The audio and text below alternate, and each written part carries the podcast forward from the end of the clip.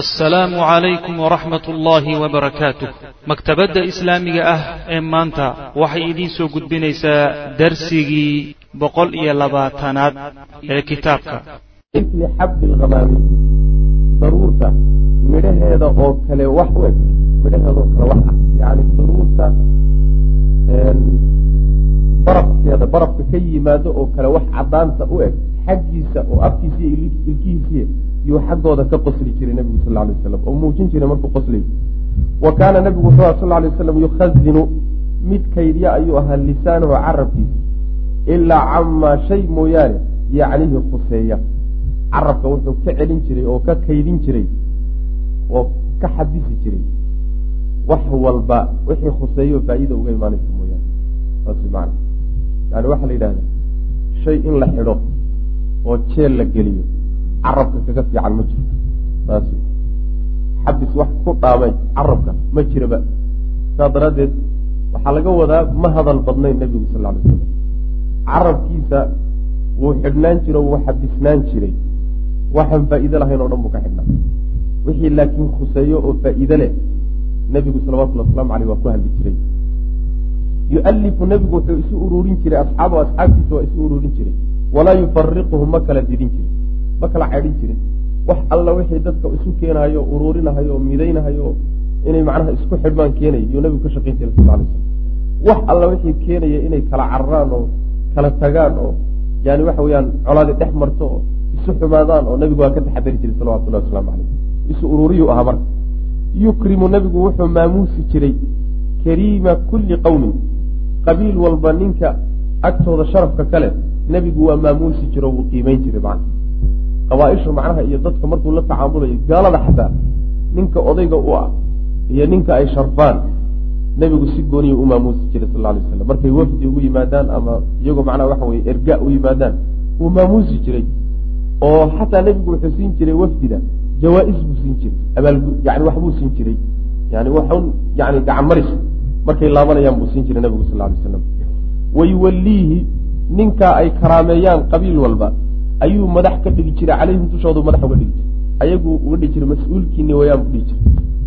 Ilan waxa weye madaxnimadu sideedaba waxaa ujeedada laga leeyay waxa weye in bulshadu ay ruuxa ku xidhanto. Ruuxa haddaynay bulshadu ruuxay sharfayso oo qiimo agteeda kale uusan ahayn oo mid liito agteeda ka liita uu yahay ma yeelayaan kamana bar qaadanayaan ninkaa marka ay ka dambeeyaan buu nabigu madax uga dhigi jiray sal alay wasalam wayaxdaru nnaasa dadka ayuu nebigu iska jiri jiray wuu iska digtoonaan jiray wayaxtarisu wuu iska ilaalin jiray minhum xaggooda min gayri an yatuwiya isagoo oon ka laabin can axadin ruuxna oo minhum iyaga ka mida bishrahu weji furfurnaantiisa isagoon ruux ka mida dadka aan wejiga furfuran wejiga aan u dadbin oo wejiga furfuran ka laabin ayuu haddana nebigu ka taxadari jiray salawatullah waslamu aleyh aduu laba ma isku dari kartaa inaad dadkao dhanna u weji furnaato oo u baxbaxsanaato haddana taxadarkaaga aada qaadatoon lagu dagin labadaasuu nabigu lahaan jiray salawatullah waslamu aleyh saas wey macnaha ruuxa haddii uu xataa uu is leeyahay amaa dhib ka yimaadaan wejigiisa nebigu sal lla alay slam uma xumayn jiray isagoo wejiga u xumaynin ayuu haddana wixii tartiib iyo taxadar iyo ijra-aada qaadan jiray nebigu sal lay slam saasaa laga wadaa. Yani ruuxu yani kii odhan jiray cumar lastu bilgibbi wala lgibbu yakhdacuni inaad uun wax uun macnaha laga lugmeersado oo laga tilaabsado wixii la doona laga dhamaysa aad noqotona waa nacasnimo. Inuu taxadarku uu fulaynimo ku gaadhsiiyana waa nacasnimo iyada waxbaad taxadar intaad tirahdo inaad fulaynimo ku dhacdo oo dul iyo xeer midna weydana. Ayadana looma baahna oo dadkii o dhan ay kula wada noqdaan uun macnaha kii naftaada qaadi lah ayadana looma baahna. Labadaas marka wax udhexeeya la rabaa. Ayib yatafaqadu nebigu wuxuu ka warhan jiray asxaabahu asxaabtiisu ka warhan jiray. Waa baarhbaari jiray arrinkooda wayas'alu nnaasa dadka wuxuu weydiin jiray cama fi nnaasi? Waxa dadka dhex jira dadka wuxuu ka warsan jiray waxa dhex yaalla dadka maxaa jiro oo? Dareenkuu seeyahay oo? Yani maxaa soo kordhay oo? Maxaa maqan oo? Dadku waxay dareemayaan iyo shucuurkooda. Ayuu nebigu warsan jiray sal lay slam iyo wixii ku soo siyaada. Wayuxsinu wayuxasinu dhe wuxuu wanaajin jiray nebigu sal lay slam alxasana wixii wanaagsanna waa wanaajin jiray. Wayusawibuhu wuu wixii wanaagsan. Inuu wanaag yahay buu ku tilmaami jiray saxna yahay wayuqabixu wuu xumayn jiray nebigu sal lay slam alqabiixa wixii xunna wayuuhinuhu waana liidi jiray. Akhlaaqda xun dhaqamada xunxun hadalka xun ficilka xun waa liidi jiray nabigu sal lay slam waana yani xumayn jiro dadka wuxuu usheegi jiray inuu xun yahay wixii wanaagsanna nebigu waa wanaajin jirayo inuu sax yahay buu dadka ugu muujin jiray.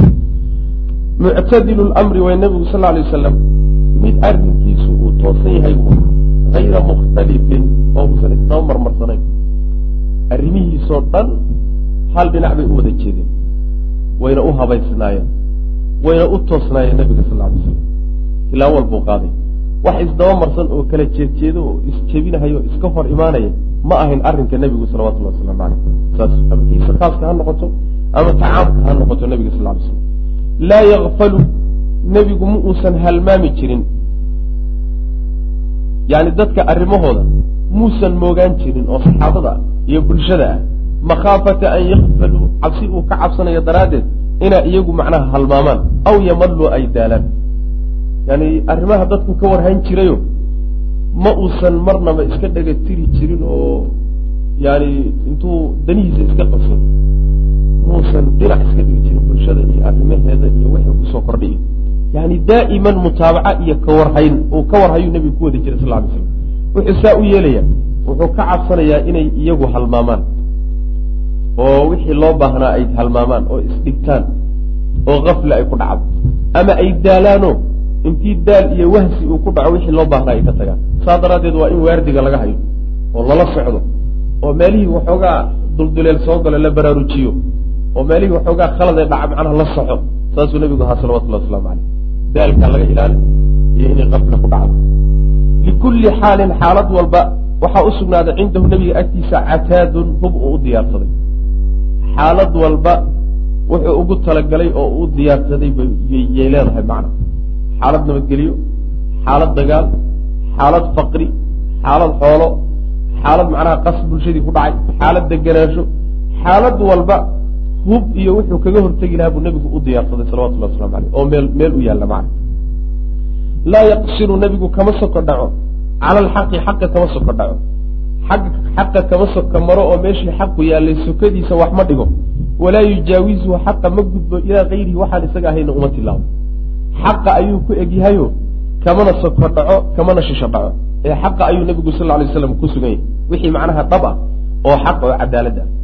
Alladiina kuwa yeluunahu la xidhiidha nabiga sal lay slam oo min annaasi dadka ah khiyaaruhum waa dad kuwa ugu wanaagsan wey dad inta ugu fiican iyo bulshada inta ugu fiican baa u xigta nebiga xaggii salawatullah waslamu caleyh wa afdaluhum kuwa ugu fadli badan cindahu nebiga agtiisana acamuhum waa kooda ugu ugu ballaaran oo ugu caamsan nasiixatan xagga naseexada naseexada bulshada loo naseexayo oo iyo waxtaridda dadka wax loo taro iyo samafalka dadka ugu caamsan ninka ugu caamsan ee ugu badiya ayaa nebiga agtiisa salawatullahi waslamu caleyh ugu fadli badan.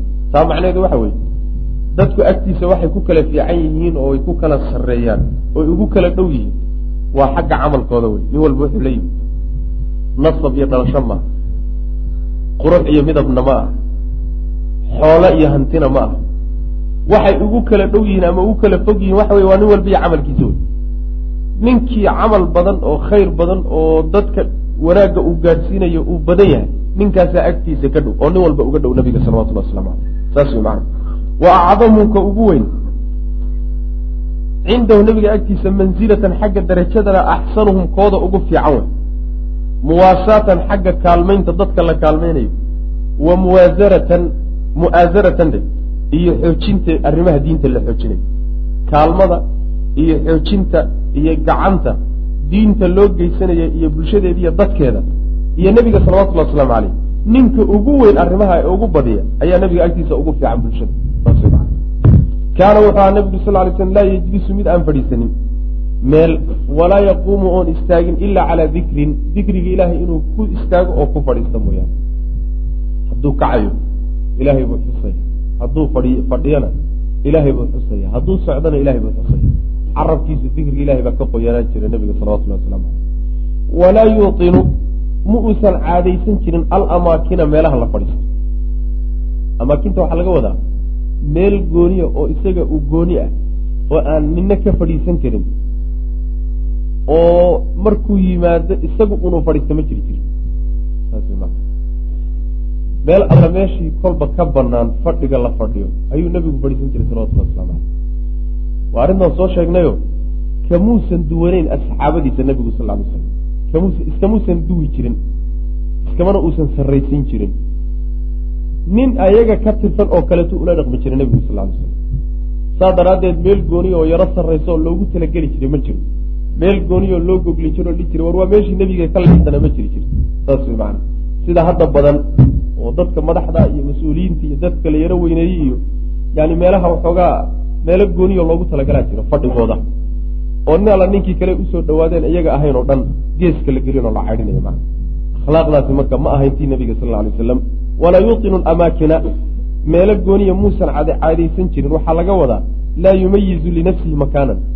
Naftiisa meel gooniya umuusan sooci jirin. Meel gooniya uma xuli jirin naftiisoo. Meesha anaa leh yaan layga agteeda la marin ma dhihi jirin nabigu sal lay slam mana samayn jirin. Bal waa dadka waaba ka reebayba meel gooniya inaad ka yeelato masalan meelaha dadka ka dhaxaysa masaajid oo kale oo la yidhahdo war meeshaasi waa meeshii oday hebel la yidhahdo ama meeshaasi waa meeshii nin hebel fadhiisan jiray ha laga warwareego ma lahayn. Taana waa ka reebay nebigu sal lay slam mar meeshaa fadhiiso mar halkan fadhiiso mar xagga fadhiiso saas idantaa haddii uu soo gaadho nebigu sal lay slam ila alqawmi dadka dadkoo fadhiya hadduu ku yimaado jalasa wuu fadhiisan jiray xaysu meeshii yantahi uu la gaadho bihi isaga almajlisu fadhigu fadhigu meel alla meeshii ka banaan ee uu la gaadho ayuu nebigu fadhiisan jiray sal alay wasalam hadduu yimaado ee looma istaa loogama kici jirin fadhiga fadhigana loogama kici jirin oo muusan ogolaan jirin asxaabadu inay uga kacaan fadhiga ta labaadna yani waxa weyaan meel gooniyo loogu sii talageli jira ma jirto. Meel alla meeshay ka banaan fadhigaa la fadhiyu iska fadhiisan jiray nebigu sal lay waslam waya'muru wuu amri jiray saxaabada bidalika arrinkaasuu fari jiray. Wa yucdi wuxuu siin jiray kulla julasaa'i dadka la fadhiyo oo dhan wuxuu siin jiray nasiibahu qeybtiisu siin jiray. Dadkaa fadhiga fadhiya nin gooniyo intuu ku halqabsado oo hadalka u jeediyo oo dadka intiisa kale uu ka jeedsado ma jiri jirin. Wuxuu wadaajin jiray hadalka iyo fiirada iyo macnaha waxa weye la dhaqanka fadhiga nin walba qeybta kaga aadan ee uu ku leeyahay buu ka siin jiray nebigu sal lay slam saas way maana laakiin nin gooniya hadduu si kasta u jecel yahay si kasta hadduu ruuxan u jecel yahay fadhiga dhexdiisa in laga dareemo inuu saxaabada kala yani kala hormarinayo muusan yeeli jirin nebigu sal yili binu aadamku haddii waxoogaa yaro dareemo in yani waxa weye la soo kala dhaweysanayo oo qaar qaarka laga soo dhaweysanayo xasad iyo cudurro noocaasoo kale oo halis ah yaa ka dhasha macna. Saas xataa laa yaxsaba si uusan u moodin yacni dadka la fadhiya nin walba gobolka iyo qeybta uu fadhiga ku leeyahay buu ka siin jiray xataa laa yaxsaba si uusan u moodin. Jaliisuhu ruuxa la fadhiyaay anna axadan ruuxna akramu inuu yahay mid kaga karaamo badan. Calayhi nebiga dushiisa minhu xaggiisa. Si uusan ruuxna u moodin ruuxna isu dhihin alelaha waa lagaa sitaa. Oo nebiga waa lagaaga karaamo badan yahay dushiisa. Oo waa lagaa xigaa. Midna suusan isu odhan. Yuusan nebigu sal lay waslam fadhiga ugu kala fadili jirin macna. Nin walba sheekada iyo hadalka intuu ka doona la siin. Ninkii su'aal doona waa la siin haddii loo wada diidayo waa loo wada diidi haddii la wada siinna waa la wada siin. Ninna wax lagu gooni yeeli maayo. Man jaalasahu ninkii nebiga la fadhiista salawatullahi wasalaamu caleyh aw qaawamahu ama la istaaga lixaajatii dantiisana ula fadhiista ama ula istaagaay saabarahu nebigu waa u sabraya salawatullahi waslamu caleyh isagoo socda. Haddii intaad gacanta qabsato meel aad isla taagto ujeeddo aad adugu wadatay dantaadana aad doonaysa inaad ka dhamayso ama isagoo fadhiya aada u timaado nebigu waa u adkaysan jiro waa u dulqaadan jiray inta uu dantooda uga gudaya macna.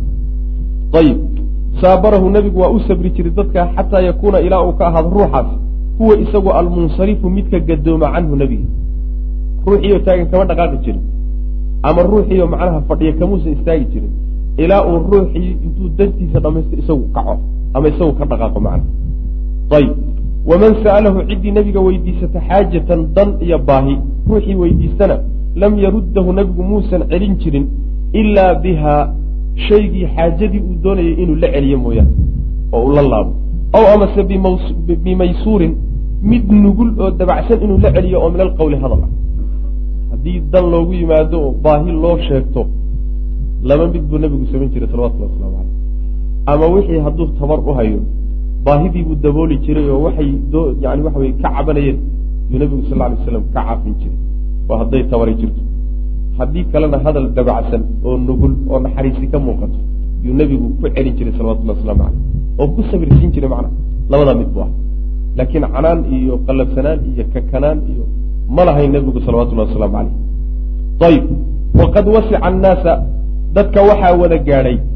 Dadkao dhan waxaa wada gaadhay bastuhu nebiga weji furfurnaantiisa ama gacan furnaantiisa wa khuluquhu iyo akhlaaqdiisa akhlaaq wanaagdiisa iyo weji furfurnaantiisu nebiga dad yuu dadka u wada qaybiyey.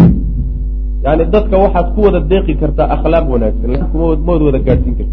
Saas way macnaheedu oo akhlaaqdiisa dadka wada deeqday oo wada dherjisay kii baahnaa iyo kii waxaystay iyo kulli nin walba markuu u yimaado dhaqanka uu kula dhaqmayaaba deeqayo ku dhargaya macna. Intaasuu ku qancaya sidaas weye akhlaaqdaasu marka dadka ku wada gaadhayo wada gaadhsiiyey iyo macnaha weji furfurnaanta. Fa saara markaasuu nebigu noqday sal lay slam lahum iyaga aban aabbuu u noqday. Dadweynihiibuu marka aabbo oo kale u noqday nebigu sal lay slam wa saaruu waxay noqdeen iyaguna cindahu nebiga agtiisa waxay noqdeen fi lxaqi xaqa dhexdiisa mutaqaaribiina kuwo isu dhadhow. Xaqa xaggiisa kuwo isugu dhadhow oo aan ku kala fogeyn ayay nebiga agtiisa ka noqdeen aabboo kale u noqday iyaguna carruurtiisoo kale noqdeen. Wayatafaadaluuna waxay nebiga agtiisa noqdeen kuwo ku kala sarreeya cindahu nebiga agtiisa bitaqwa alla ka cabsi. Ninba ninkuu ka cabsi badan yahay ayuu ka karaamo badan yahay oo ka fiican yahay oo nebiga uga dhow yahay salawatullahi wasalaamu caleyh majlisuhu nebiga fadhigiisa iyo golihiisu majlisu xilmin waa dulqaad fadhigii waay. Golo lagu yaqaano in laysu dulqaato wey wa xayaa-in xishood golihii wey wa sabrin adkaysi iyo sabir golihii wey wa amaanatin ammaano golaheed meeshaa nebigu fadhiya sal alay aslam waxaa lagu yaqaanaa fadhigaa iyo golihiisa waxa la yidhaha akhlaaqda wan wanaagsan hadday dulqaad tahay hadduu xishood yahay hadduu sabir yahay haddii ammaano tahay asaguna dhankiisa hade isagaaba waxaan saxaabada ku tarbiyeyey raggan la fadhiyana waa raggii uu leeliyo isagu soo saarayo akhlaaqdaa waxaan ahayn majliska kama muuqan mayso macna. Saas fudayd iyo dhacdhac iyo kufkufid iyo waxyaala noocaasoo kale dulduul iyo haba yaraatee ka muuqan mayso laa turfacu kor looma qaado fiihi majliskaa dhexdiisa alaswaatu. Sawdadka kor looma qaado lama qaylqayliyo. Majliskaa nabiga marka la fadhiyo salawatullahi wasalaamu caleyh dhadhawaaq iyo qayle qayle iyo hadal taagtaagan yani waxa weyaan maqli mayse walaa tu'banu lama ceebeeyo fiihi majliska nabiga dhexdiisa alxurumu waxyaalaha xurmada leh. Waxyaalaha xurmada leh wax lagama sheego.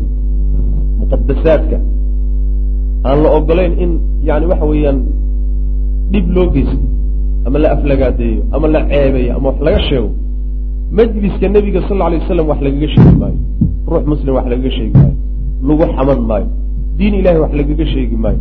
Yani waxa weya wax alla waxaa xurumaadka la yidhahde ilaahay uu sharfay oo dhan majliskaasi lagu taaban maayo macna.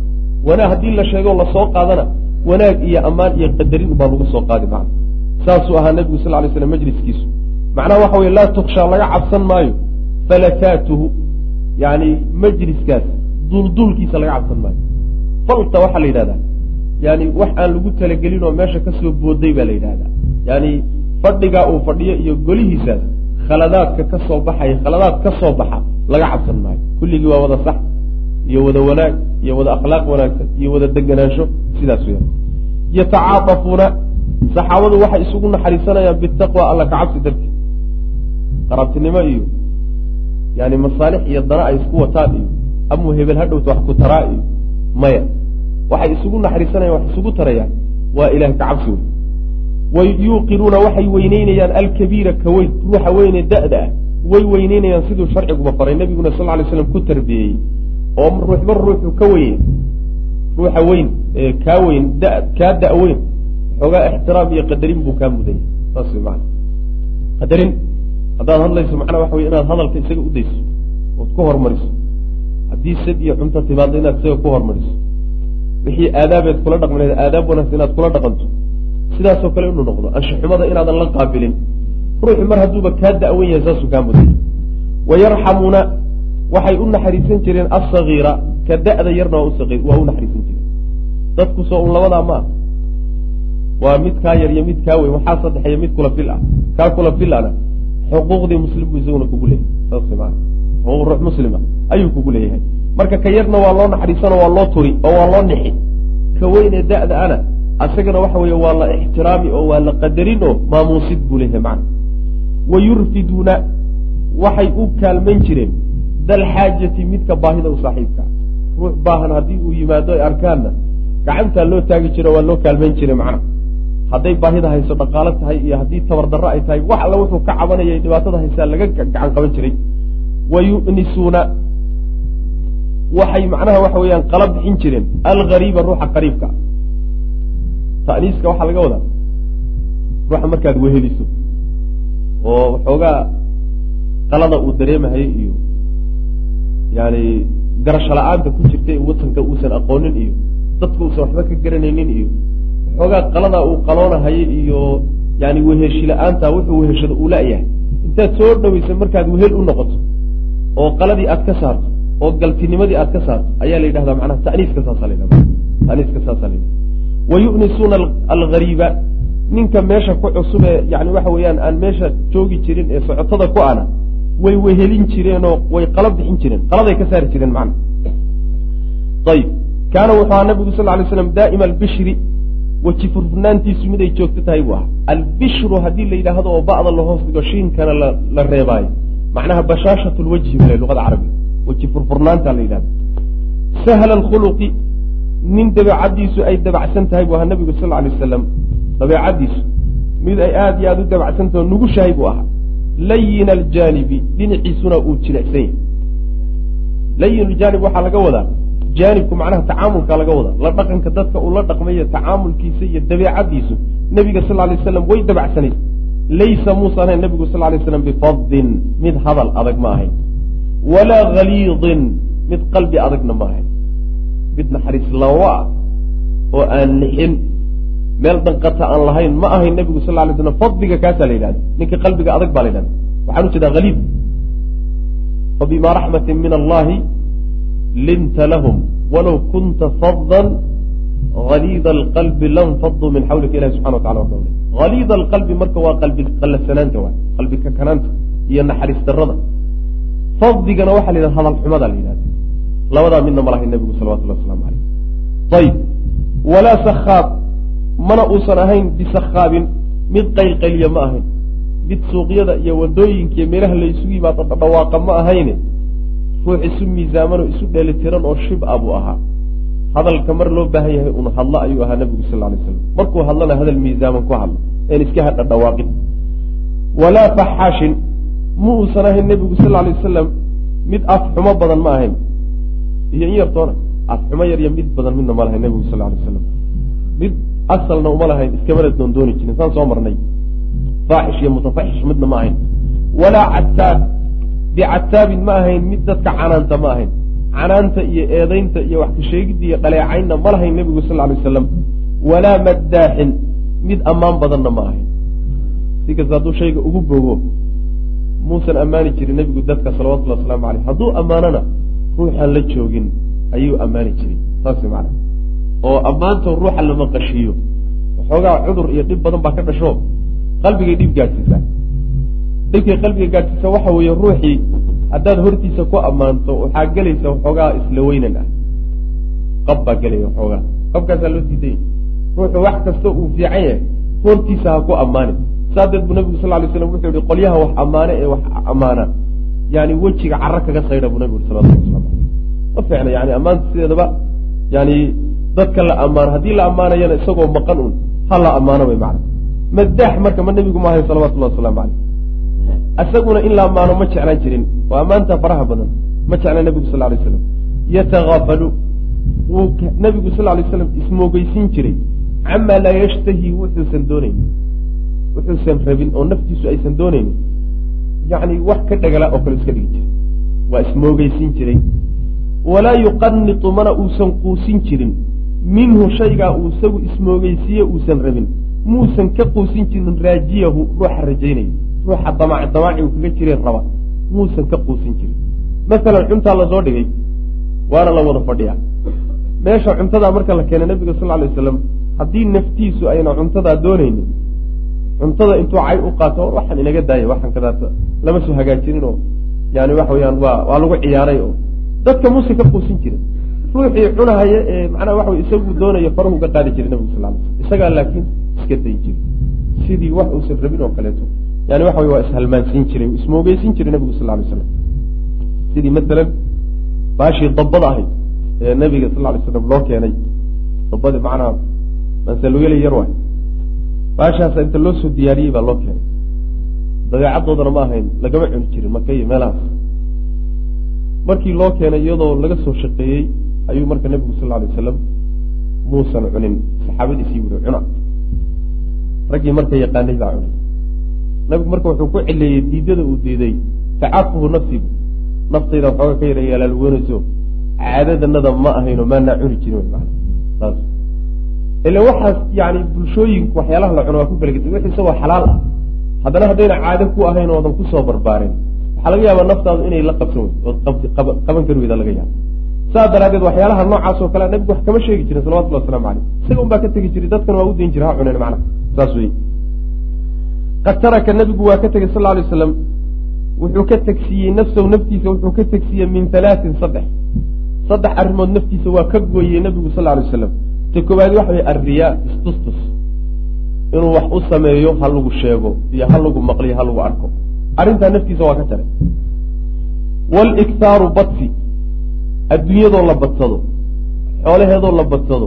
Ammaanteedoo la badsado. Quruxdeedoo la badsado adduunyo badsigeedna nebigu sal lay slam dhinac bu iska dhigay wamaa shayna naftiisa wuu ka tegsiya laa yacniihi ayna faa'iida ugu jirin. Wax alla waxaan faa'iide adduun ama mid aakhire ka soo gelayninna nebigu dhinac buu iska dhigay salawatullah waslamu caleyh saddexdaa arrimoodba naftiisuu ka gooyey. Wa taraka annaasa dadkana wuxuu ka tegsiiyey min halaatin saddex. Saddex arrimoodna dadkuu kala tegay wey macana saddex arrimood dadka kuma samayn jirin. Laa yadumu ma caayi jirin axaddan ruuxna ma caayi jirin walaa yucayiruhu waa kii caaisha radi allahu canha yani markii ay qoladii yahuudda ahayd u soo gashay nabiga sal lay slam gaaladii oy ku yidhaahdeen assalaamu calayka assalaamu calayka uga dhigeen intay salaam wax salaamay isaga dhigeen bay habaar u qariyeen markaasay caaisha maqlaysa yaa iyaduna waxay dabada u qabatay intay dheheen in ka fara badan intaa aada sheegteen iyo in la eg iyo intaaba idinka dushiina aadayd marka nebigu waa u diiday salawatullahi wasalaamu caleyh hadhihin bu ihi caaisha afxumada iyo waxaas wax laynagu yaqaano mehe yani waxba hadhihin bu soomaada maqlin anigu waxaan ugu jawaabay bu nebigu ku uri sal lay slam wa calaykum baan ku ihi bu nebigu sal intaad tidhaahdeen idinkana dushiina ha ahaato. Intaa unbuu nabigu ugu gaabiyey sal lay slam iyagu waxay nebiga ku yidhahdeen iyo habaarkoodu marka qaban maayo nebiga sal lay slam maxaa yeele waa ka gardaran yihiin isagu laakiin habaarkiisu waa ku dhacaya maxaaba marka yani xadgudub iyo sii badni iyo hadal badni kaleba maxaa kugu sii wata intaaba macnaha ku kaaftan buu nebigu uri sal lay slam marka waxba ma caayi jirin xataa haddii la caayo nebigu sal lay wasalam cay kuma jawaabi jirin. Walaa yucayiruhu dadka ma ceeban jirin. Dhaleecayn iyo ceebayn ma uusan samayn jirin nebigu sal lay slam walaa yatlubu ma raadin jirin cawratahu ruuxa cawradiisa. Ruuxa dulduleeladiisa iyo gafafka dadkana ma baadhbaadhi jirin oo ma dabageli jirin nebigu sal lay slam ummaddana waa u diiday nebigu sal lay slam oo wuxuu ku sheegay ruuxii dadka muslimiinta ceebahooda raraadiyey oo kufkufitaankooda iyo dhacitaankooda iyo simbirraxadooda iyo khaladkooda ururiya inuu ku ceebeeyana u ururiya ilahay baa subxana wa tacala ceebtiisa dabageli. Nin ilaahay ceebtiisa dabagalayna fade maalintii la fadeexayn lahaa ma foga rabbi subxaana wa tacala wuu un fadeexayn. Xataa gurigiisa gudihiisana ha noqotee maalin unbaa la fadeexayn doona. Nin ilahi subxana wa tacala daba dhigtay. Marka addoommada ilaahay ceebahooda ha dabagelin oo ha raaraadin haddaad ogaato xataa qari. Haddaa xataa si allaba isaga ogaato ruux muslima ceebkii qari oo asturoo marada saar macna. Ninna hauga sheekaynayna faraha ka qad halkaa ku daa macna. Taasaa loo baahanya. Ayib walaa yatakalamu nabigu muusan hadli jirin sal lay wasalam ilaa fii ma shay dhexdii mooyaane yarju uu rajaynayo hawaabahu hawaabtiisa ruuxu shay uu is leeyahay abaalgud baad ka heliyo ajir baad ilahay agtiisa kaga heli mooyo wax kale kuma hadli jirin. Yani hadalladan iska laqwiga maalayacniga ma lahayn idaa takalama hadduu nebigu hadlo sal lay waslam atraqa waxaa waxaa foororsan jiray oo madaxa laalaadin jiray oo hogan jiray julasaauhu dadka la fadhiyo markuu hadlayo wax nuuxnuuxsan jira ma jiro kulli waa la wada hogan kaannamaa waaba iyadoo calaa ru'uusi madaxyadooda dusheeda addayru ay shimbire yihiin waxaad moodaa inuu madaxa shimbire ka saaran yihiin say u hoganayaane madaxa iyo macnaha waxa way digirshaba u laalaadinayaan hadalkay dhegaysanayaan oo waxay diidan yihiin in hadalka nebiga ka soo baxay sal lay slam iyo murtidiisa iyo xikmaddaas da'aysa inay wax dhaaftay diidan yihiin. Saas daraaddeed waa la hogan insaaf iyo isqaabaa la samaynaya macna dhegtaa la jalqin oo waxa weeye waxaas macnaha nabiga ka baxaya salawatullahi waslamu aleyh baa aada loo dhegeysanaya macna saas weye edabsii ay edabsanayaanna waa ka ahayd saxaabada ridwan ullahi caleyh waidaa sakata hadduu aamusana takalamuu markaasay hadlayaan hadalka intuu hayo ee ku jiro nin hadli ma jiro. Markuu aamuso nabigu sal lay slam oo hadalka dhamaysta markaa ninkii hadal u baahani uu hadlaya macna ayib laa yatanaasacuuna iskuma qabsadaan oo ma kala jiitaan cindahu nabiga agtiisa alxadiida hadalka sheekada. Yani waxa weyaan anaa hadliya may waan kaa horreeyey iyo anaa hortaa farta taagay iyo agtiisa ma laha. Niman isku qabsada maaha macnaha waxa weya ama kala jijiita hadalka. Koodii macnaha waxa weye hadlaba waa macnaha waxa wey kii kala weye saasay macnaha caadad ahayen saxabada nabiga sal lay slam man takallama ciddii hadasha cindahu nabiga agtiisa ruuxii ku hadlana ansitu ansatu dhe way u dhag raariciyaan lahu isaga xataa yafraqa ilaa uu dhamaysto lagama yani doc ka hadal ma jiro. Doc waree wax la yidhahdo lagu samayn maaye? Hadal kale laga dhexgeli maayo lagana goyn maaye? Waa la wada dhegeysan ilaa uu dhammaystana laga dhexgeli maayo saasay ahaayeen saxabadu ridwan llahi calayhim xadiiuhum sheekadoodu xadiidu awalihim koodii ugu horreeyey sheekadiisii wey siday isu waafaqsan yihiine isu garamarsanayne ka arrintoodu hal mid u tahay. Hal mid hadduu u hadlo waaba ku filan tahay. Hal mid hadduu hadlo kaasi sheekaduu ku hadlay baa sheeko u wadaa. Waxay doonayeen waaba taaba macna. Yani waxaa ka gedisan dadkan yani wadaadada ama bulshadaba. Waxaad arkaysaa hal qadiyad arrin yaroo fudud ayaa laysaga imaanaya. Halaga hadlaa la odhana markaasaa maantao dhana la wareejina. Hebelna bartaa taagay hadlaaye. Maantana hebel hebel baa soo istaagay. Haddana hebel baa soo istaagay. Waxaa laga yaabaa hal qadiyo oo basiid ah in ay qaadato saacado. Sidii un takraar iyo soo celcelin iyo anigana saasay ila tahay anigana saasay ila tahay. Hal ruux hadduu hadlo yani siay isu waafaqsanaayeen hal mid hadduu u hadlo hadalkaa wey macna waaba gabagabowday arrinta saas daraaddeed baa waxaad arkaysaa nebiga salawatullhi waslamu caleyh jalasaad waaweyn buu geli jiray oo arrimo waaweyn buu nebigu go'aan ka qaadan jiray sal alay slam waaweyn oo masiiri ah. Haddana arrimaha markuu go'aan ka qaadanayo tala ka weydiinaya saxaabada isagiiyo khulafadiisiiba. Weligeed ma aada arkaysid jalse inta la galay lagu leeyahay saacaad bay socotay. Qadiyad heblaana laga hadlay. Arki maysa inxiraafaadka marka bulshada ku jiray ka mid bal inxiraafaadka wadaadada ku jiray ka mid. Waxay waxaan macnaha waxa weeye kutusaya arrinta iyada. Nebigu salawatullahi wasalaamu aleyh xadiid saxiixa wuxuu ku yihi maa dalla qawmun bacda hudan kanuu calayhi ilaa uutu ljadal ummadi ma lunto.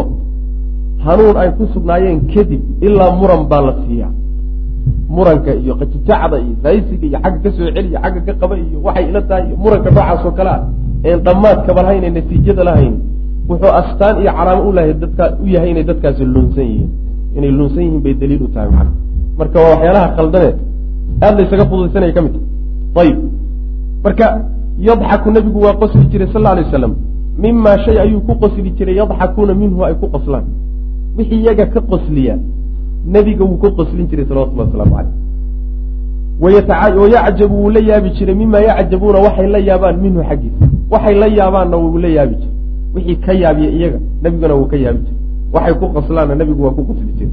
Macnaha waxa weeyaan dareenkuu la wadaagi jiray xataa dareenkooda waa la wadaagi jiray nebigu sal lay slam intay qoslaan oo wax ka qosliyo haddana nebigu inuu macnaa shib iska ahaado yani indhaha uu macnaa waxa wey ka fiiriyahay mayna ahaan jiri maxaa yeele meesha waxaa ka muuqata in ruuxu uusan dareenkii kaala qayb qaadan. Ruuxu markaad isla fadhidaan markaad qosasho waa inuu kula qoslo oo markaad muusooto kula muusoodo oo markaad yaabto kula yaabo markaasuu macnaha waxa weye dareenkaaga kula wadaagay saasuu marka nebigu ahaan jiray sal lay waslam wayasbiru nebigu waa sabri jiro wuu adkaysan jiray lilgariibi ruuxa qariibka ah buu u adkaysan jiray. Cala aljafwati qallafsanaantiisu ugu adkaysan jiray fi lmantiqi hadalka. Hadalka uu hadlayo ruuxa qariibkii iyo ixtiraam xumada iyo aadaab xumada ka muuqata hadalkaas nebigu waa ugu dulqaadan jiray sal lay slam mid acraabi oo reebaadiya reebaadiyaha inta badan u banaan jiray dabeecadooda iska qalafsan oo waxoogaa ma yaqaanaan dabacsanaanta reer magaalka ma laha. Baadiye intuu ka soo galo.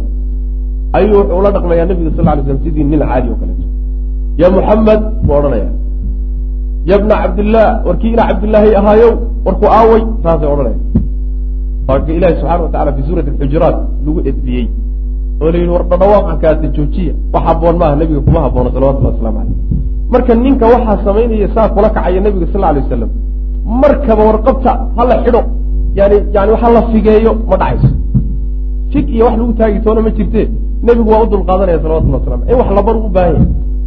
Bal intay waxaasoo dhan dhaafaan yay masaajidka ku kaaji jireen. Maalin iyadoo la wada joogo masaajidka waa mid intuu meel dhinac isu taagay masaajidkii dhinac ka mid. Hayuu ayar intuu maradiisa dhigtay buu kaadi. Meel ku kaleedhiyey masaajidka dhexdiisa. Saxaabadii waa kuwa marka ku qayliyey oo laguba sigtayba in la garaaco u kaadiyi bu nabigu sal alay daaya kaadidiisaa dhamaystay. Markuu kaadidiisii bogtay oo uu soo laabtay yuu nabigu u yeedhay sal la alay wasalam markaasuu yihi masaajidan ma u jeedaa acraabi aan masaajid aqoonin wey nin reebaadiye oo carab oo jaahili ahaa oo aan masaajid iyo ixtiraamkiisa aqoon waxba kama yaqaan.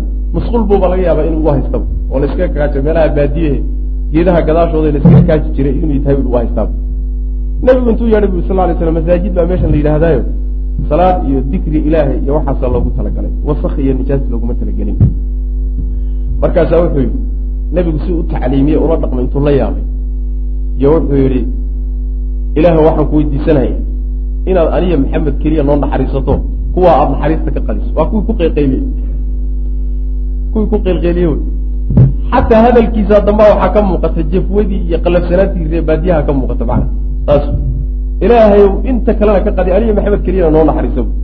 Marka saasuu nebigu ahaa salawatullahi wasalaamu caleyh oo hadal adaygaa iyo qalafsanaanta iyo dabeecadooda waa ugu dulqaadan jiray waana beri jiray nebigu sal lay slam marka dambena waxay isu bedeli jireen saxaabadiisaasoo kale soo bixi jireen siduu nebigu sal lay slam waxaas uga baabi'inayo ayib. Wayaquulu wuxuu odhan jiray nebigu sal lay slam idaa ra'aytum haddaad aragtaan saaxiba alxaajati ninka dantale ee baahida baahidu hayso haddaad aragtaan yatlubuhaa isagoo raadinayo oo yani baahi raadinayo isagoo macnaa xaajo iyo dan leh dantiisiina raadinaya faarfiduuhu u kaalmaya buu nabigu ku jiray salawatullahi waslamu caleyh wax la qabta. Walaa yatlubu ma uusan dooni jirin nebigu sal lay slam athanaa amaan ma uusan raadin jirin ilaa min mukaafi'in mid abaalgudahaya mooyaane. Yani in la ammaano muusan rabi jirin. Nin laakiin gacan loo geystay oo wax loo qabtay oo wax uu u taray ammaan hadduu u soo jeediyo uu ammaano taasoo kale unbuu nabigu yeeli jiray salawatullahi waslamu caleyh maxaa yeele taa waa loo baahanya taa waa loo baahanya oo nabigu sal lay slam waa ka odhanaya man astaa ilaykum macruufan fakaafi'uu ninkii wanaag idin galaaya u abaalguda oo idinka laftiina yani waxa weeyaan ha noqonina uun wax uun weelkii wax lagu ridahayey marmarka qaarkood wax bixiya haddii aad waxaad xataa ku abaalguddo weydo u duceeya bu nabigu uri salawatullah waslamu aleyh ilaa aada u malaysaan inaad u abaalguddeen ayib wa qaala khaarijatu bnu zaydin wuxuu yidhi kaana nabiyu sal lay slam nebigu wuxuu aha awqara annaasi dad ninka ugu degan bu aha fii majlisii fadhigiisa markuu fadhiyo deganaansho iyo kaadsiyooni fara badan baa ka muuqda laa yakaadu ma uusan sigi jirin nebigu sal lay slam yukhriju inuu soo bixiyo shay-an wax yar oo min atraafihi fiidihiisa ka mid atraafta waxaa laga wadaa xubnihiisa gacanta iyo lugaha iyo markii majliska sidano kale loo fadhiyo saa muusan ugu soo fidin jirin nebigu salawatullah waslam maxaa yele xoogaa aadaab xumaa ka muuqata aadaab xumo ayaa ka muuqata yani waxa weyaan xubnihiisa nebigu sal lay waslam iyo atraaftiisa iyo fiidihiisa iyo waa urursanaan jiray macna saasa laga wadaa. Wa kaana wuxuu aha nebigu sal lay slam kaiira asukuuti aamuskiisu mid u badan yahay buu ah laa yatakalamu muusan hadli jirin fii gayri xaajatin baahi la'aan isagoon hadalka u baahan iskama hadli jirin. Yucridu wuxuu ka jeesan jiray canman takallama ciddii hadasha min gayri jamiilin waxaan wanaagsaneyn ruuxii ku hadla wuu iskaga jeesan jiray. Kaana wuxuu ahaa dixkuu qosolkiisuna tabasuman muusood iyo dhoolacadayn buu ahaa wa kalaamu hadalkiisuna faslan mid kala dhigdhigan buu ahaa. Kala yaalyaallo cad buu ahaa macna. Muuqda. Laa fuduula hadalkiisu wax dheeraada ma lahayn. Walaa taqsiira gaabinna ma lahayn. Taqsiirka waxa la yhahda waa hadalka meeshii la doonaya ka soko dhacay ka yar sidii la rabay. Fuduulkana waxa la yhahda waa hadalka ka badan sidii la rabay. Midnaa intaa midna ma ahayn wy macana wa kaana wuxuu ahaa dixku asxaabihi asxaabtiisa qosolkooduna wuxuu ahaa cindahu nebiga agtiisa attabasumu muusood bu iyaguna ilan isagay tacliimta ka qaateen ayaga laftoodu markay nebiga la joogaan iyo dhaqankooduba wuxuu ahaa qosolkoodu dhoolla cadayn buu ahaa macna tawqiiran weyneyn iyo ixtiraam bay saa u yeelayaan lahu isaga ay ixtiraamayaan waqtidaan iyo kudayasho bihi nebiga ay ku dayanayaan salawatullah waslamu aleyh dhaqankaa nebigay ka barteen talabaadna nebiga ixtiraamayaan sala allahu alay wasalam wa cala aljumlati isku soo duuduubay isku soo xoori marka arrinta la isku soo duuduubo faqad kaana nabiyu sal lay slm nebigu wuxuu ahaa muxallaa mid lagu qorxiyey buu ahaa bisifaati alkamaali tilmaamaha dhammaystiran dhammaystirnaanta tilmaamaheeda yaa nebiga lagu qorxiyey sal lay waslam almunqaicati annadiir taasoo sifaatkaasoo wax la mida uusan jirinba. Munqaicu nadiir waxaa la yidhahdaa nadiirka waxa la yhahda masiilka la yidhahda shayga la midkaaba la yidhahda munqaicana waxaa la yidhaahdaa gu-itaanka iyo jirid la'aanta. Haddii la yidhahda fulanun munqaicu nadiir wax la mida maba jiro wey maana marka sifaat dhammaystirnaan ku tusaya oo wax la midaba uusan jirin oo kula mid ah ayuu nebigu ku tilmaanaa oo ku quruxsanaa salawatullah waslamu caleyh quruxdaasaa lagu qurxiyey. Addabahu waxaa edbiyey rabbuhu rabbigiibaa edbiyey. Fa axsana markaasuu wanaajiyey ta'diibahu edbintiisa. Ilaahay baa leeliyey subxaana wa tacaala oo tarbiyeeyey oo edbiyey xataa khaatabahu ilaa uu ilaahay la hadlay nebiga sal lay slam muhniyan calayhi isagoo ammaanaya faqaala markaasaa wuxuu yihi wa inaka la calaa khuluqin cadiim. Intaasaa ku filan. Ilaahay subxaana wa tacala mar baaduu ku tilmaamay akhlaaq aada u weyn inuu ku sugan yahay. Ammaan ilahay xaggiisa ka timid.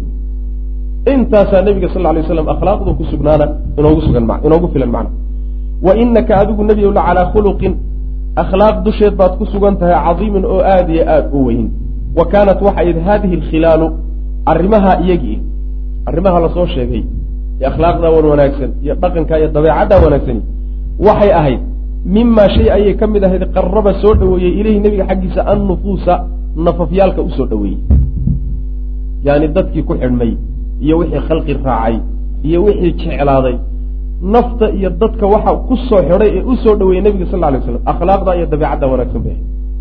Ahayd maxaa yeele ruuxa ama shayga sidiisaba laba mid baa lagu jeclaada. Jacaylkiisa laba mid baa keena. In uu gacan kuu galay oo nicmo kuu geystay oo wax kuu taray waa lagu jeclaada. Xataa akhlaaqdiisi iyo dhaqankiisa iyo dabeecdiisa hadday xun tahay oo wax uu ku siiyo.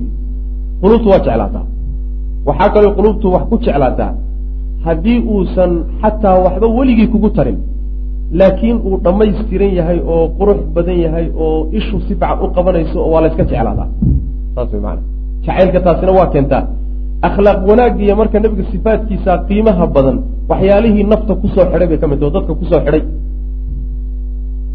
Ayib waxababahu jeclaysiiyey ila alquluubi quluubta xaggeeda. Quluubta waxaa nebiga jeclaysiiyey sifaatkaa wan wanaagsan bay ahayd wa sayarahu waxaa waxyaalihii ka dhigay bay ka mid ahayd sayarahu waxyaalihii ka dhigay nebiga qaa'idan hogaamiye.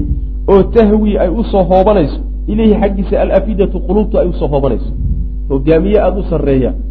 Oo quluubtu kulligii xaggiisa ay u soo daadanayso. Wixii ka dhigay akhlaaqdaa wanaagsan bay ahayd nebiga salawatullah waslamu caleyh wa alaana waxyaalihii jilciyey bay ka mid ahayd. Min shakiimati qowmihi tolkii santaaggoodii iyo kibirkoodii bacda alibaa'i diidda kadib shakiima waxaa la yidhahdaa alanafa la yidhahda santaagga iyo qabkii kibirkaa la yidhahda tolkii iyo dadku ka dhashay kibirkii iyo qabkii iyo diidadii markii hore ay ku kaceen wixii jebiyey oo jilciyey waxay ahayd dhaqankii nebigu kula dhaqmay salawatullah waslamu caleyh saas ilaan markii hore si buuxdaa looga wada hor yimid oo loola dagaalamo loo tufay haddana markii dambe dhaqanku nebigu kula dhaqmay raggii shalay la dagaalamayay baa maanta garab taaganoo naf iyo maalba macnaha waxay ku difaacay wuxuu saa ku gaadhay waa dhaqankaa wanaagsan iyo akhlaaqdaa wanaagsan bay had macna xataa dakaluu ilaa ay soo galeen fii diin illahi ilahay diintiisa ilaa ay soo galeen tolkii afwaajan ayagoo koox kooxa ilaa ay soo galeen macna marka wax walba waxaa muhimka ah ninka doonaya inuu mabda'a beero oo bulsho beero oo dad beero oo mabda' hirgeliyo inuu yeesho sifaat lqiyaada yani hogaanka sifaat iyo tilmaam buu leeyahy tilmaamihii hogaanka lagu aqoon jiray inuu yeesho waa laga maarmaan. Oo macnaha tilmaamaha nebi maxamed salawatulli waslamu aleyh lahaan jiray oo kaleeto inuu ku dadaalo. Khaasatan dadka ducaadda iyo dadka culimada iyo dadka hogaamiyeyaasha iyo dadka bulshada ka hor muuqdaay inay sifaatkaasoo kale yeeshaan waxay keenaysaa inay bulshadii kala soonisiiso oo bulshadii ay ku xidhanto oy dadkii ay raacaan saasaa imaanaysa haddii kale waa la kala kalsooni bixi way macnaha. Wa haadihi alkhilaalu arrimaha iyagii allatii arrimahaasoo ataynaa aan ku nimid aan nimid calaa dikrigaa sheegitaankeeda dusheeda aan ku nimid. Yani aan soo sheegnan buu ka mid ah yani ataytu calaa dikri shay waxaa la yidhahdaa shaygii baan soo sheegay bay macnaha laga wada shayga sheegitaankiisii baan dushiisa ku imid saasay noqonaysaa marka la macnayo. Ayib waxyaalihii marka aan soo sheegnay khutuutun waa jeexdimo iyo xariiqimo wey qisaarun oo gaagaaban oo min madaahiri kamaalihi nebiga dhamaystir dhamaystir dhammaystirnaantiisa muuqaaladeeda ka mid yani waxyaalaha muuqaalada ah ee nebigu inuu dhammaystirnaa ku tusaya xariiqimo gaagaaban oo ka mid ah weeyaan waxaan soo sheegnay oo dhan waxaan soo sheegnay maanta oon soo tirinayna ee dhowrka darsi inagu soo qaatay.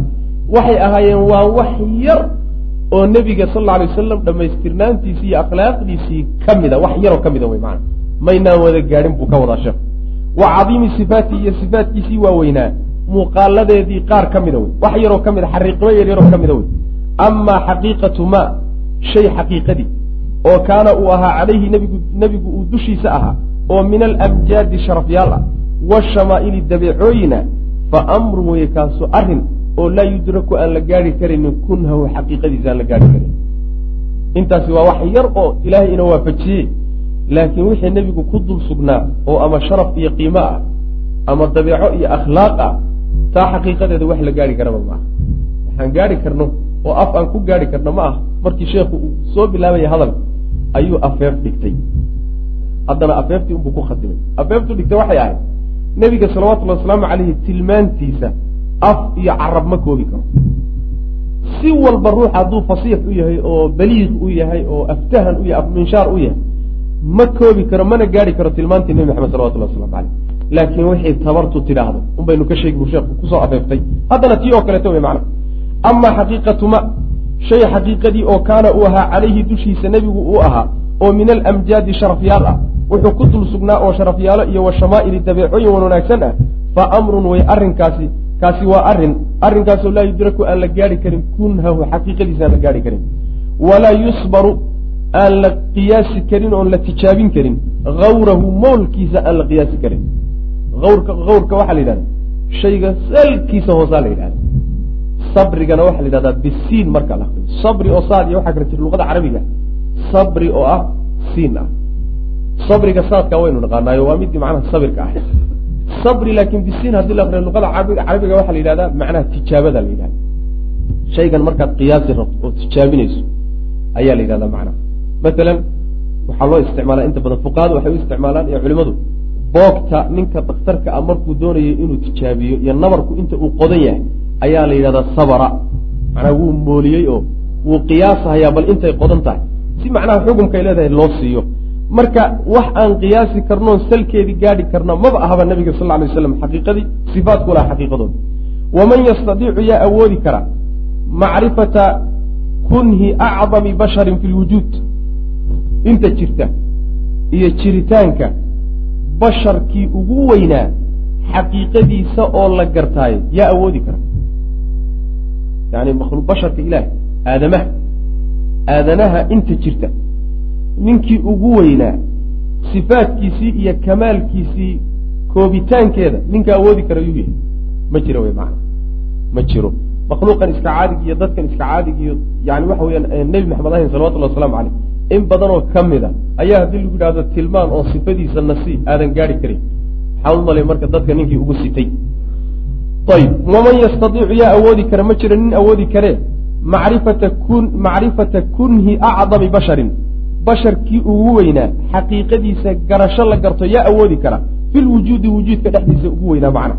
Balaqa wuxuu gaadhay aclaa qimatin kaasoo balaqa gaadhay dheh aclaa qimatin baarka ugu sarreeyuu gaadhay min alkamaali xagga macnaha dhammaystirnaanta dhammaystirnaanta baarkeeda meesha ugu sarraysa ayuu ka gaadhay macnaha kamaalka iyo sharafka iyo akhlaaqda iyo wanaagga baarka ugu sarreeyuu ka gaadhay macna istadaa'a wuu iftiinsaday binuuri rabbihi rabbigii nuurkiisuu ku iftiinsaday macnaheedu waxa weeye waxyigii ilaahay ku soo dejiyey iyo eedbintii ilaahay uu edbiyey ayaa iftiin iyo hoggaan u noqday akhlaaqdiisa halkaasuu ka qaatay xataa saara ilaa uu ka noqday khuluquhu akhlaaqdiisu alqur'aana ilaa ay qur'aanka ka noqoto ilaa akhlaaqdiisa uu noqdoba qur'aanka waa qur'aan socdo qur'aanku soo sifaat iyo tilmaamo ma sheegayo tilmaamihii iyo sifaatkii akhlaaqdii qur'aanka oo mujasam ah oo ishu qabanaysa haddaad doonayso waa nebi maxamed salawatullah waslamu caleyh caaisha radi allahu canha baa la weydiiyey akhlaaqdii nebiga sal lla alay slam markaasa waxay tidhi kaana khuluquhu lqur'aan soo qur'aanka ma akridid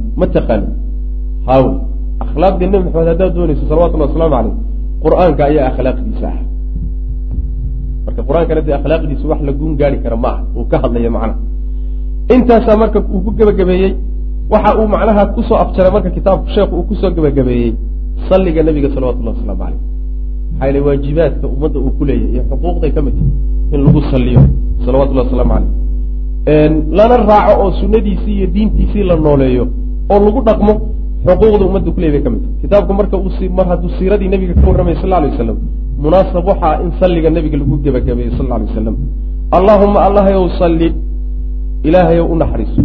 Calaa muxamedin maxamed dushiisa. Wa calaa aali muxamedin reer muxamedna ilah u naxariiso. Haddii waxaa la yidhahdaa aalka maqaamu ducaa haddii la joogo ummaddo dhan baa loola jeeda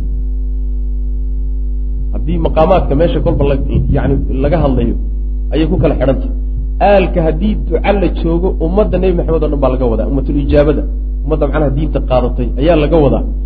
Marka ummaddiisoo dhan ilaahw u naxariiso kamaa sallayta saad ugu naxariisatay calaa ibraahiima ibraahim saad ugu naxariisatay wa calaa aali ibraahiima ibraahim atbaacdiisi saad ugu naxariisatay.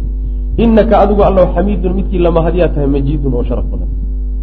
Allahuma allahyo baarik ilaahu barakee calaa muxamedin maxamed dushiisa wa calaa aali muxamedin muxamed atbaacdiisa iyo ummaddiisa dusheedana barakee kamaa baarakta saad u barakaysay oo kale calaa ibraahiima ibraahim dushii wa calaa aali ibraahiima iyo ibraahim atbaacdiisa iyo dadkii raacay dushooda saad u barakaysay oo kale. Inaka adigu allow xamiidun baa tahay midkii mahadiye la mahadiye ayaa tahay. Majiidun oo sharaf badan ayaa tahay. Intaasuu sheekhu kitaabka ku soo gebagabeeyey intaasuuna kitaabka inoogu dhammaaday. Ilaahay subxaana wa tacala waxaan weydiisanaynaa in uu uu u geliyo sheekha miisaanka xasanaadka uguna dembi dhaafo innagana uu inaga dhigo kuwa ka faa'iidaystay oo ku intifaaca oo wixii wanaag iyo khayr ee ku jira ka qaata inuu inaga dhigo ayaan ilahi subxana wa tacala weydiisanayna waxaan ka cudur daaranaynaa gebagabada kitaabka wixii khaladaad ee ku soo arooray kitaabkaas. Wixii khaladaad ee macnaha waxa weeye naga dhacay intii kitaabka aan ku soo jirnay muddo dheer bay ahayd. Waa ka cudur daaranaynaa waana ka laabanaynaa akhdaadaasi ama akhdaa cilmiya ha noqoto ama akhtaa lugawiya ha noqoto oo khaasatan laga yaabo inay xagga luqada u badnaato kitaabkuna waa iska adag yahay oo xoogaa laga yaabo inay macnaha waxa weeye garowsho. Ay meeshaa ka soo baxdo? Yani kitaabku isagoo luqadiisu aada u adag tahay carabiga ah ayaa haddana sheekhu wuxuusan samaynin kelimaadka gariibka ah muusan fasirin. Saas daraaddeed baa ruux wuxuu ku qasbananayaa inuu kutubu luga iyo kutubu gariib alxadiid iyo inuu halkaa aado ayuu ku qasbananaya. Wax badan baa marka ruuxa ka hoos baxay. Oo macnaha waxa weeyaan maaragtay sidii la rabay laga yaabo inuusan u dhihin. Waxaa intaa iyadana adayga siiba ziyaadinayaba luqadii iyadoo adkeed haddana luqo kaleeto ha lagu fasira haddii la yidhahdo oo lagu tarjamo. Oo iyada lafteediina ayna sahlanayn luqadii soomaaliga ah haddana waa ka sii adagta tarjamadu waa cilmi gooniyo barasho gooniya u baahan way waxaa laga yaabaa kelimadan carabiga inaad si fiican u taqaano macnaheeda carabiga laakiin luqadii kale doonaysa inaad ku wareejiso kelimada munaasabku kae boqol kiiba boqol daboolaysa inaadan u helin. Waa la iska dhaweyn marka maarata xeer jajabun adugu un keenkeen asaasoo kale marka iska noqonaysa. Khaasatan labada luqood laba luqadood oo isu dhigma maaha. Luqada carabiga iyo luqada soomaaliga luqadna waa luqad hodan ah oo luqada carabiga wey luqadna waa luqa la dhihi karo luqaadka faqiirkaabay ku jirta waa luqada soomaaliga luqa maxaliya waay luqadana waa luqa caalamiya markii ha laysku tarjamo la yidhaahdo wax badanoo dulduleelaa meesha ka soo baxay. Waxyaalahaasoo dhan ayaa marka yani wixii aan loo qastin kollay khalad loo qastay inuusan jirin baan u malayn. Ilahay subxana wa tacala hainoo dhaafo. Ciddii ogaatana ha ka tagto. Ciddii ogaata wixii khalad ah ha ka tagto sidaas wey macnaha. Intaas kadib ayaa waxaan macnaha jeclaa insha allahu tacala inaan ku soo celiyo. Kelimo kitaabku markaan bilaabeynay aan sheegnayo siirada nebiga salawatullhi wasalaamu caleyh kutubta ku taalla ma kala hufna. Saxiixeeda iyo daciifkeeda lagama shaqaynin. Sida axaadiista looga shaqeeyey oo kaleeto. Sidaa daraaddeed inteeda badan ama in badanoo ka mida saxiixba ha ahaato oo saxiixaynka iyo axaadiista ha ku jirto laakiin qaar badan oo daciif ha ku jirto qaar badan oo sanad aan loo haynin baa ku jirta qaar badan oo iska riwaayaat taariikhiya ku jira. Sidaa daraaddeed ninkii doonaya inuu xugum u deliishado siirada nebiga sal ly slam ama uu caqiide u deliishado shay camal ama caqiidaa inuu u deliishado wixii doonaya waa inuu iska hubsado. Waa inuu iska hubsado uu horta ogaado qisadani ma sugan tahay sanad ahaan mise ma sugna. Hadday sugnaato ha deliishado haddayna markaas sugnaynna xugma laguma dhisi karo caqiidana laguma dhisi karayo macana taas waxaan u leenahay kitaabka wixii lagu soo sheegay oo dhan kulli sax ma wada ahee wax badanoo daciifa ku jira taana hala ogaado. Hada wabilahi tawfiq wsala allahuma wslama cala nabiyina muxamedi wcala alihi wasaxbi waslem walaalayaal halkaas waxaa noogu dhammaaday duruustii taxanaha ahayd ee kitaabka. Allah tabaaraka wa tacaala waxaan ka baryaynaa inuuna waafajiyo ku dhaqankeeda. Mashhuuraadka kale ee maktabadda maanta waxaad ka dalban kadhaa bogga internetka ee cinwaankiisa uu yahay www maanta net ama telefoonnada kale ah eber eber afartan iyo shan sagaashan iyo sideed toban iyo labo toban iyo lix afartan iyo afar ama eber eber afartan iyo shan soddon sideed sagaal sideed sagaal afar iyo toban. Assalaamu calaykum waraxmat ullaahi wbarakaatuh